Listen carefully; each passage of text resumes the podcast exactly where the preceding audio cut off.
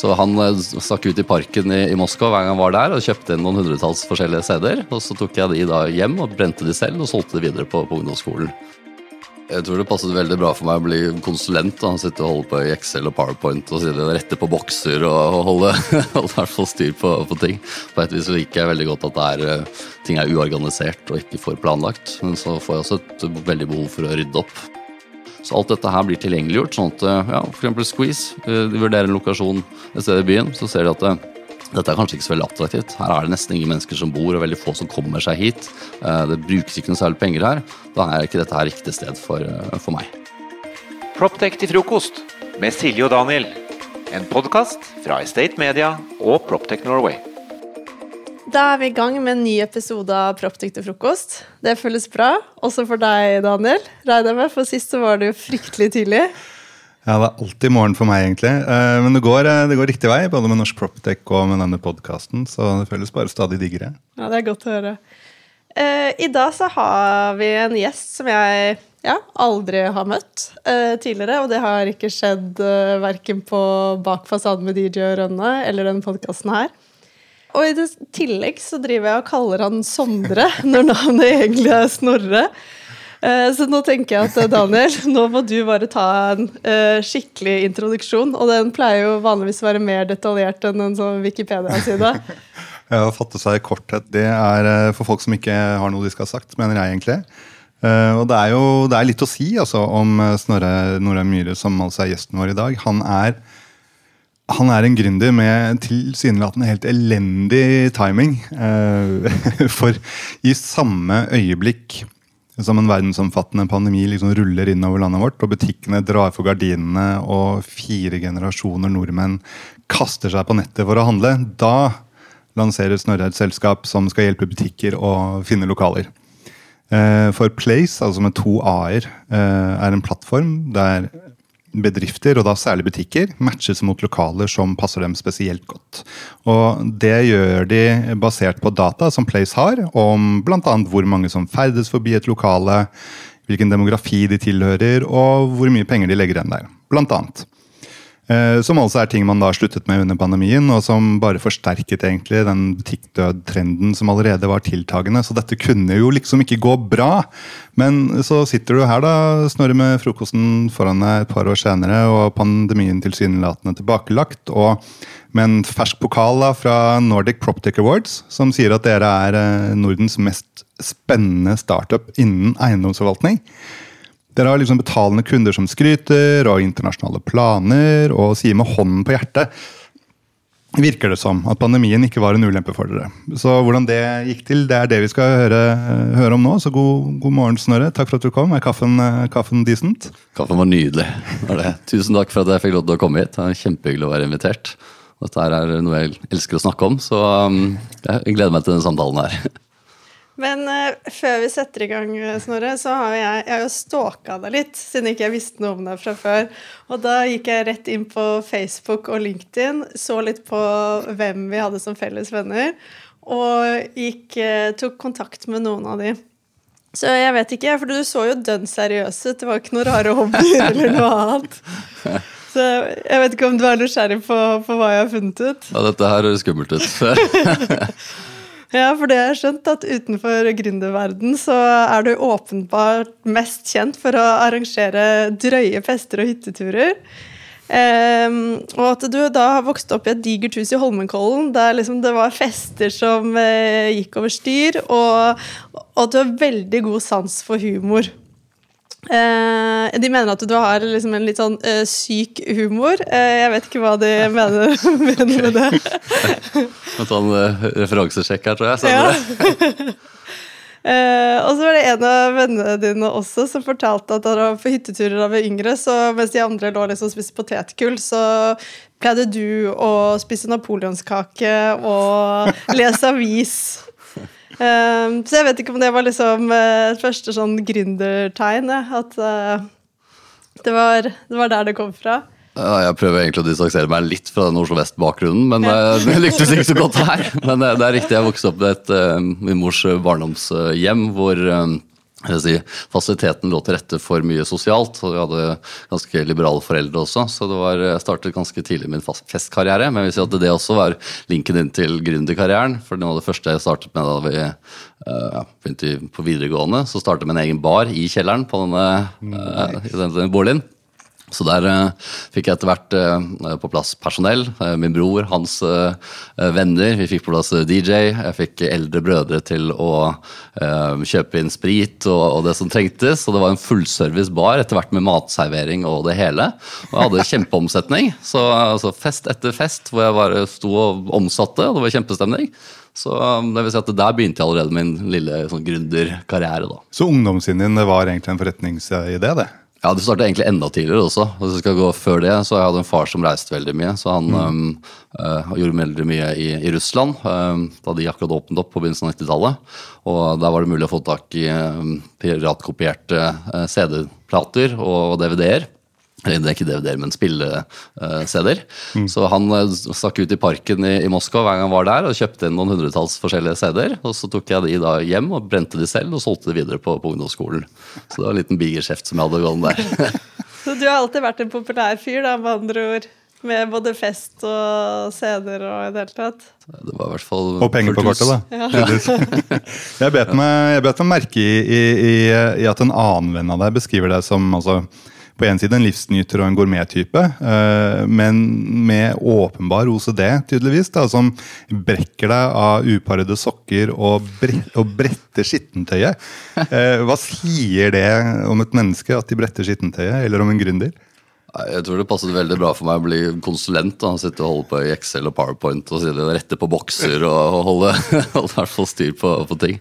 Men det er jo kanskje litt sånn paradoksalt på et vis. På et vis så liker jeg veldig godt at det er, eh, ting er uorganisert og ikke for planlagt. Men så får jeg også et veldig behov for å rydde opp. Og den strukturen tror jeg er smart å ha med seg, i hvert fall i eh, businessverden. Ja, Av en eller annen grunn så tenker jo jeg da at dette er et menneske man burde investere i. Eh, Det virker i hvert fall åpenbart at du trengte da å skape sånn harmoni rundt deg ved å også pare utleiere og leiere, litt som to sokker på avveie. Um, Så la oss liksom få høre, med, høre om hva du drev med i, i livet som, som til slutt ga deg ideen til det som ble Place. Var det liksom sånn som amerikanske gründere alltid snakker om et øyeblikk, eller var det en, en, en prosess? Jeg kan jo spore litt tilbake til et øyeblikk, men jeg tror det var mer en, en prosess mot det å å ønske å skape noe eget. Uh, Så jeg studerte det siste året mitt gikk jeg i London, på Imperial College der. eh, Og der var det veldig fokus på å starte egne selskaper. eh, Og det teknologirettet universitet også. Um, så hadde vi flere gründerkonkurranser som vi deltok på. Så var det flere av mine studievenner jeg lurte veldig på om vi skulle starte noe, noe eget. Så tenkte jeg nei, det er nok smart å få litt mer arbeidserfaring og vite litt hva, hva det går ut på i, i forretningslivet. Så jeg ble da konsulent, og så begynte jeg også etter hvert å jobbe i, eh, i Norgesgruppen innenfor for retail. etter hvert konsulent noen år. Um, og da gikk jeg hele tiden og bar på den drømmen om å starte noe, noe eget. Så var alltid så prøvde å finne hvor er det smertepunkter, hvor kan du finne på noe, noe å løse. Men parallelt med dette her, så har jeg vært veldig veldig opptatt av arkitektur og byutvikling. Så jeg er en type som alltid sånn, gikk rundt i London eller Singapore og bodde der og går og titter på gater. Bare Senest jeg kom hit nå, gikk gjennom Rådhusgata og bare Det er et eller annet rart her. Det funker ikke helt, denne gaten her sånn. Hva er det som gjør at den ikke funker? Det er fint fra andre etasjen og opp. Ja, ikke sant? Og så er det sånn, det er jo faktisk butikker og serveringer her. så bare, Hvordan har endt opp med det? Hvordan går det egentlig med dette serveringsstedet her? sånn? Eh, Er det kundegrunnlag? Hva er det som gjør at dette her er et attraktivt sted å være? Så det er en ting som jeg har gått og tenkt mye på. Og så kan jeg si I Norgesgruppen så jobbet vi jo mye med eh, tilpasning av produkter og, tjenester til eh, brukere, forbrukerbehov. Og matche det opp mot hvilke forbrukerprofiler som er der ute, etc. Så begynte vi også å tenke det må være mulig å bruke en del av den dataen her sånn til å forme byer. Det, egentlig, det handler om at eh, når jeg bor på Sankthanshaugen, så ønsker jeg da å ha restauranter og, og eh, handel i nærheten som tilfredsstiller mine behov. Hvorfor bruker ikke retailere dette her på en god måte? Hvorfor bruker ikke serveringsaktører dette her på en god måte til å eh, lokalisere seg sammen og steder hvor det, det gir mest mulig eh, omsetning og mest verdi for, for brukerne? Så det var liksom en tanke som hadde ligget bak der ganske lenge. Og så ble jeg en del av eh, Antler, som kanskje noen av dere kjenner til, som er en gründerfabrikk som eh, ble etablert første gang i Norge for, for to år siden. og Da er jo hele ideen at man eh, møter likesinnede som har lyst til å starte noe eget, og så får rammen og ressursene til å, å starte. Og Da møtte jeg veldig tidlig da, eh, mine to co-founders, Peder eh, Søholt og, og Tobias Martinsen. Som har kjempekombo. Peder med lang tech-erfaring, som er mm. teknolog i bunnen, og, og, Tobias som hadde jobbet i flere oppstartsselskaper. Og vi begynte da å spare litt rundt dette her. rundt ja, Finnes det noen muligheter der? Altså, ja, Vi alle har lyst til å ha gode byer, men er det noe betalingsvillighet for det? Liksom, klarer vi å skape nok verdi som det faktisk er, er interesse for? Så jeg gikk ut og, og snakket med en 50-talls eh, forskjellige uh, aktører innen handel og servering, og, og en del meglere og, og uh, også en del datatilbydere. Og så at det her var det kjempeinteresse for å egentlig ta bedre valg. Veldig mange lurte på hadde man et handelslokal, hva skal man fylle det med, uh, mm. eller hvor skal man lokalisere seg. Så for å dra historien lenger, så hadde jeg også veldig mye med Askeladden og co. å gjøre med på den tiden. En god venn av meg, Erik Rebinder, som startet Squeeze, uh, var, dro meg inn på mye av det som de holdt på med. Så jeg så også at de, sånn, de har sin tilnærming og prøver virkelig å, å um, endre på uh, hva du ser i, i bygulvet. Plutselig så var det typisk tjenestekonsepter som var på plass etc. Så da kom det egentlig på en hyttetur som jeg var på midt i et annet program. Vi holdt på å jobbe, så bare Hva man lager egentlig en verktøykasse for de som skal etablere seg. Mm. Eh, hvor da vi gir dem innsikt i hvor de bør matche eh, med riktige lokaler. Så det var egentlig da ideen oppsto, på et vis, på, akkurat på den hytteturen.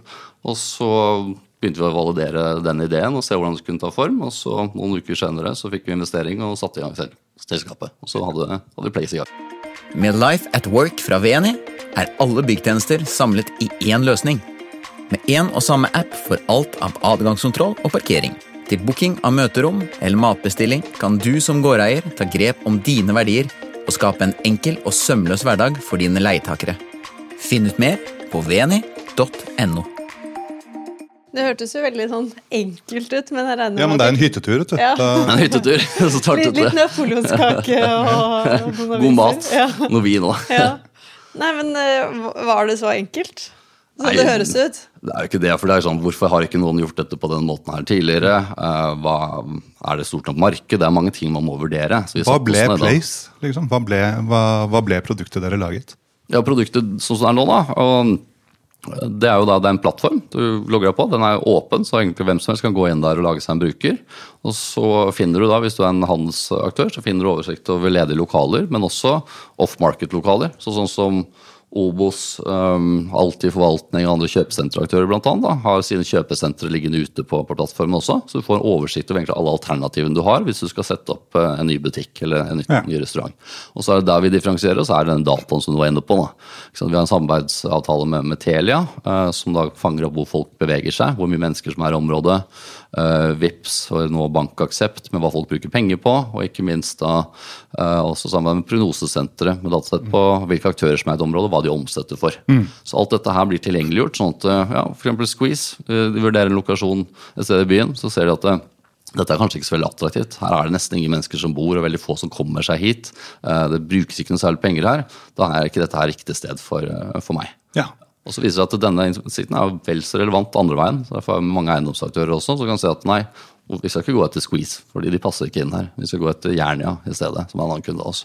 Laft tilbyr en fullverdig FDV-løsning som bidrar til enklere og mer effektiv drift både for små og store eiendomsbesittere.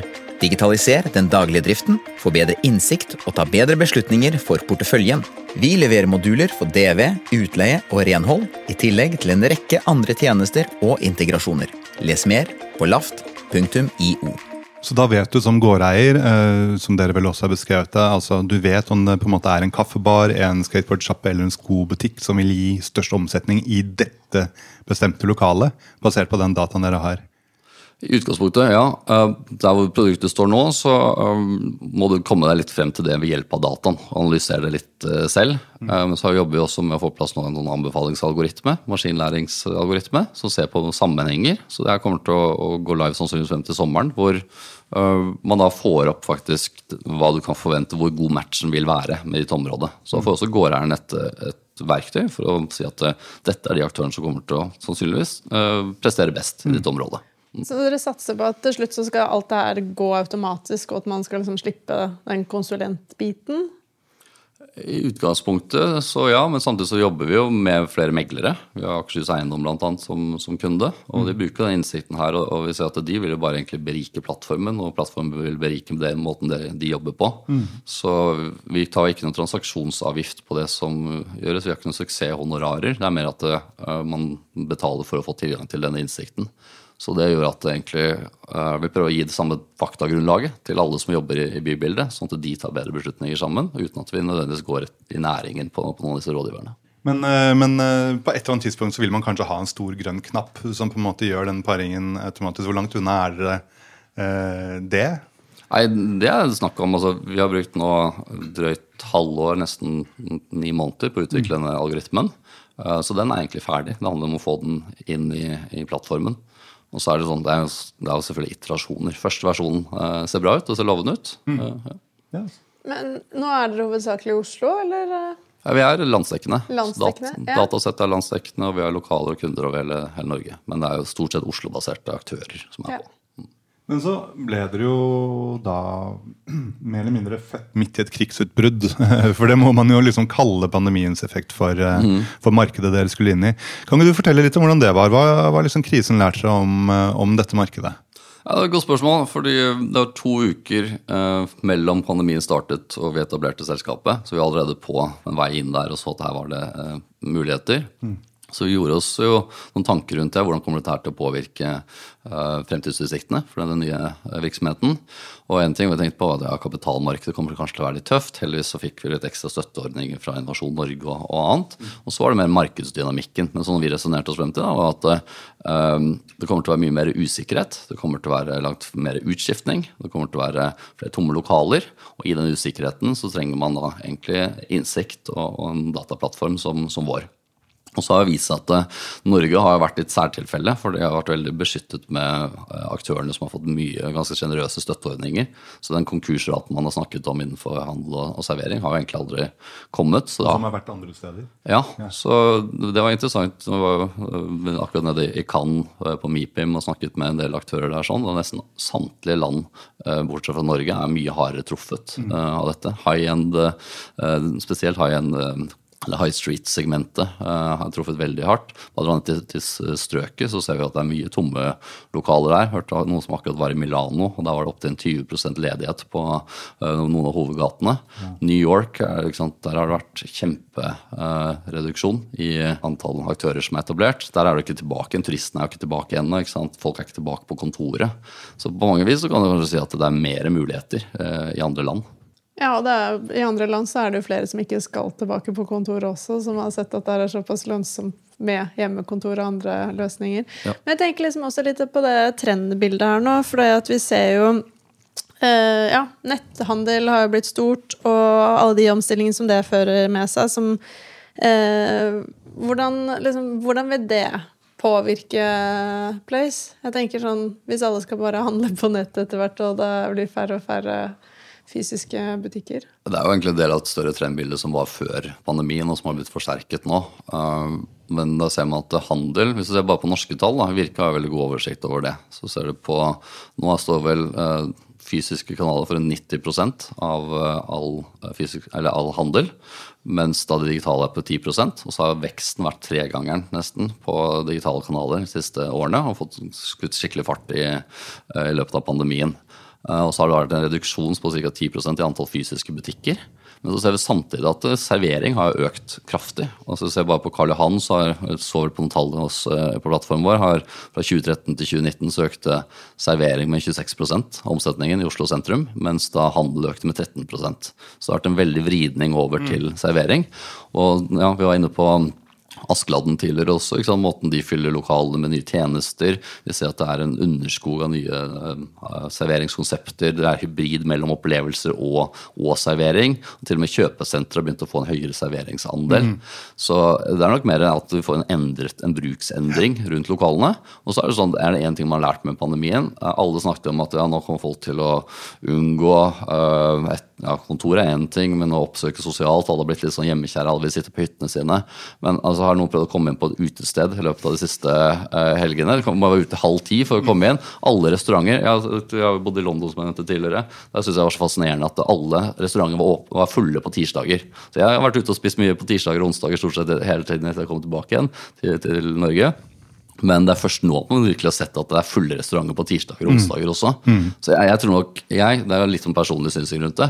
Jeg har veldig tro på at vi kommer til å bruke byen og bruke de fasilitetene i mye større grad fremover. Og de aktørene som klarer da å gripe den muligheten som ligger der, er de som kommer til å fylle disse lokalene fremover. Ja, fordi liksom, dette er jo dette er tie-in til, eh, til eh, byplanleggingsgenet ditt. Det er jo, altså, både dere i Place og kundene som bruker dere, har jo nettopp fremhevet slike datadrevne tjenester som Uh, som dere har, uh, som, som, helt sentralt da, for et godt byliv. Eller altså et levende by, bygulv, da, som det gjerne kalles. Uh, hva mener de egentlig med det?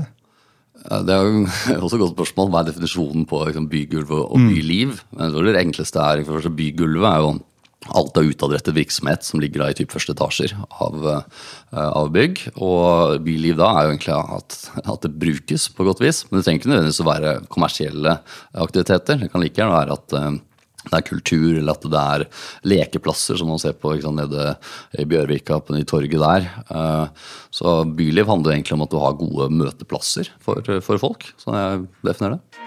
Møller Eiendom er tett på utviklingen av nye teknologiløsninger som forbedrer måten vi kjøper, utvikler og forvalter eiendom. Leverandørsiden er viktig driver for utvikling av bransjen og kundene våre. Men hvorfor syns du det er så interessant? Hva er det liksom sånn som har fascinert deg altså, med det med byutvikling og arkitektur? Hvorfor, eh, ja, hva er det som du liker så godt ved det? Jeg tror bare oppi all den OCD-en så er jeg en ganske sansende person. Da. Så jeg går alltid og kjenner på følelser og, og ser hvordan, ting, hvordan jeg påvirkes av alt fra arkitektur til, uh, til, et område. Og jeg har alltid elsket følelsen av å komme inn på en bar eller komme inn på en restaurant. Gikk akkurat innom kaffebrenneri her sånn i lokasjonen her nede. Så på, det er så hyggelig. ikke sant? Kjenne på det sosiale i det. Uh, så det, det, appellerer bare til meg at man klarer å lage gode rammer for, for folks livsutfoldelse på, mm. på, et vis. Det har alltid fascinert meg hvordan du programmerer inn det på et vis. Hva syns du om Oslo? jeg elsker Oslo. Jeg elsker kombinasjonen av uh, skimuligheter i marka og, og fjorden. Jeg er veldig mye på fjorden på, på, sommeren. Og nå etter hvert som Oslo har blitt en veldig mye bedre by på restaurantfronten og, og uh, utelivsfronten også, så elsker jeg alle deler av det. Og så um, er nok ikke alle deler av utviklingen jeg syns er er like fin. Og det er jo sånn, eh, med fare for å tråkke mine eiendomsklienter på føttene, så syns jeg man godt kunne endret litt på paletten sin med uh, alt er grått og um, veldig likt uttrykk på veldig mye av det som settes opp nå. Noe som jeg syns er litt synd med tanke på at vi, vi, vet jo hva som skaper gode byer. Og det er så fantastisk mye flott arkitektur der ute, mm. og fra ulike stilepoker. Og så ender man opp med noe med ganske like uh, byrom. Mm. Så det er jo noen refleksjoner. Kan ikke det være en sånn videreutvikling av Place? da? Sånn, eh, hvordan type bygg eller områder er det eh, ja, med mennesker i det nærområdet ønsker seg? Ja, det, det kunne absolutt vært noe. Jeg tror nok det å videreutvikle i hvert fall kunne se de fysiske sammenhengene med hva som presterer og hva folk trives i. Det kan nok absolutt være en, en ting som er interessant. Vi jobber jo mye med Obos, bl.a. De har jo kjempeambisjoner bl.a. for Fornebu og flere av sine utviklingsområder. Så det er det vi prøver også å se på hvordan er det vår datainnsikt kan være med på å skape da nabolag som gjør at de nye beboerne der ute kommer til å trives på, på sikt. Så jeg har veldig tro på at liksom, bransjen virker som er veldig lydhør, og jeg tror at vi mm. sammen kan få til veldig veldig mye bra. sånn som alle er tjent med. egentlig. Det virker som dere har blitt tatt godt imot av, av, av, bransjen, og det virker som veldig mange av de store, de store utbyggerne i hvert fall i PropTech Norways nettverk virkelig tenker på hvordan kan vi utnytte oss av denne dataen. og så Det er jo, det er jo en tjeneste som Place er én måte å, å, konkretisere bruken av den data, men det er jo ikke enkelt eh, å være gründer. Eh, jeg leste at da forrige næringsminister eh, Sanner besøkte Antler, så var det vel deg han ble sittende og prate med. Uh, og som førstegangsgründer, da, hva var det du fortalte han om det å være gründer i Norge? Nå, nå, har du jo en mikrofon i, i, i, hånden her. Hva er de viktigste tingene som skal skje for at vi liksom skal klare å ta igjen uh, nabolandene våre? Jeg syns vi har veldig gode forhold da, for mm. gründervirksomhet. skal sies. Um, hvis vi ser ti år tilbake, så var det jo nesten ikke noe av dette berømte økosystemet som var på plass. Men var det du representerer nå med Proptech Norway, som er en del av en større Proptech-organisering i, i, Norden, eh, Mesh, hvor dere sitter, eh, men også et utdannende Vi sitter på Startup Lab. Mm. Har fått veldig mye mer risiko på kapital, uh, mange engler på plass etc. Og så er det ganske sjenerøse støtteordninger også. Vi har fått uh, til sammen det 7 millioner i støtte fra Innovasjon Norge opp igjennom. Uh, så det kommer vi også veldig godt med, all den tid at kapitalmarkedet ikke er helt utvidet på, på dette området. Mm. Så hvis at forutsetningene er gode Det som kanskje holder litt igjen, er at vi er veldig komfortable i, i Norge. Så tilgangen på talent er fremdeles litt krevende, det å få noen eh, rykket ut fra den situasjonen jeg hadde tidligere. Eh, solid eh, rolle i et sterkt selskap og god lønn og gode goder og gode fremtidsutsikter også rundt det. Få den type aktører eller personer bort fra konsernlivet og det sikre og, og, bli en del av en startup, det er nå kanskje noe av det aller, aller vanskeligste. Mm. Um, ja. Først sa du opp jobben din i Norgesgruppen for å være en del av det Antler-programmet, eller hvordan var det? Jeg var såpass heldig at jeg fikk en permisjon et halvt års tid. Så jeg hadde muligheten til å gå tilbake igjen hvis dette ikke var, var, noe for meg. Mm. Så det fungerte veldig bra. Det var noe vi snakket med Sander om også, at vi ønsket å legge frem en form for forslag at folk som jobbet i store selskaper, kunne få en grundig permisjon. Og jeg tror nok at Det er en viktig ting. Bare det Anter gjør i seg selv. De hadde erkjent eller opplevd det samme. At uh, veldig mange sitter der og har gode ideer og ønsker om å skape noe, men de trenger litt dytte ut og rammene for å, å få det til. Mm. Da syns jeg Anter har, har lyktes ganske godt akkurat på det. Ja. Men hvordan rekrutterer dere Du sier at det er vanskelig å finne gode talenter, men hvordan, eh, hvordan rekrutterer dere? Hvor dere finner folk? Vi har gått en del i, i nettverk. så Vår første um, ansatt, Charlotte, uh, som er fulltidsansatt, hun gikk jo gjennom noen vi kjente. Og har vært kjempebidragsyter. Og så fikk vi en Marte noen måneder senere. Hun hadde også gått Antler, men ikke endt opp med noe eget uh, virksomhet. Og Kjempeflink og kjente Peder fra, fra, tidligere. Så vi inviterte henne inn på workshoper og, og teste å jobbe. Hun har vært et vanvittig godt tilskudd. Og de siste som startet nå, um, har både ja, Det er egentlig nettverk der òg. Og én som vi kom i kontakt med via noen tips. Så det er den effektive måten å gjøre det på. Få folk inn og kjøpe visjoner etc. Og så hadde vi også vi har, lagt, vi har hatt vanvittig mange kandidater i prosess òg. Vi har fått så mange søkere. Vi lå øverst på den der The Hub-kåringen måned etter måned etter eh, med søkere man skulle ha inn. Men da er det jo, man blir fort litt sånn kresen på det òg. Så sånn, hvor kresen skal man være i et litt krevende marked? Men vi snakker med mye startup-selskaper, og veldig mange sliter med talent om dagen. Ja, det er mange som sliter med det. Så, så fokus på å gjøre det enda enklere og, og også for talent fra utsiden å komme, å komme inn til Norge da, på, på sånn gründervisaer eller mm. sånne ting er kanskje en, en vei å gå. Uh, apropos verden, da, altså vi vet jo at dere har uh, større planer enn Norge. Og det slår oss jo at det er, en, altså det er et relativt billig uh, abonnement, mm. det dere har. kan et marked som det norske gi liksom store nok inntekter versus utgifter i seg selv til å holde det gående, eller må dere liksom skalere raskt nå for å få til den veksten? Det kunne vært nok til å ha en ålreit business i mm. Norge. Eh, siden vi hadde kommet oss opp på en 20-25 millioner i årsinntekter eh, her. Og da kunne vi levd komfortabelt med, med det. Mm. Men potensialet ligger absolutt i, et, eh, i, andre markeder. For den riggen som vi får på plass nå, den kan dupliseres. Vi ser at datatilgangen er god i andre markeder. Det er litt oppsettstid osv. Men så vi rigger oss jo nå for en større organisasjon enn det egentlig det norske markedet kan, kan takle. Hvilke markeder er det dere ser på? De største som vi har vurdert nå, er Tyskland og Storbritannia alternativet. Vi har liksom datasamarbeid med, med Telia, så har det vært veldig lett å gå til Sverige og, og Danmark og steder hvor de er til stede.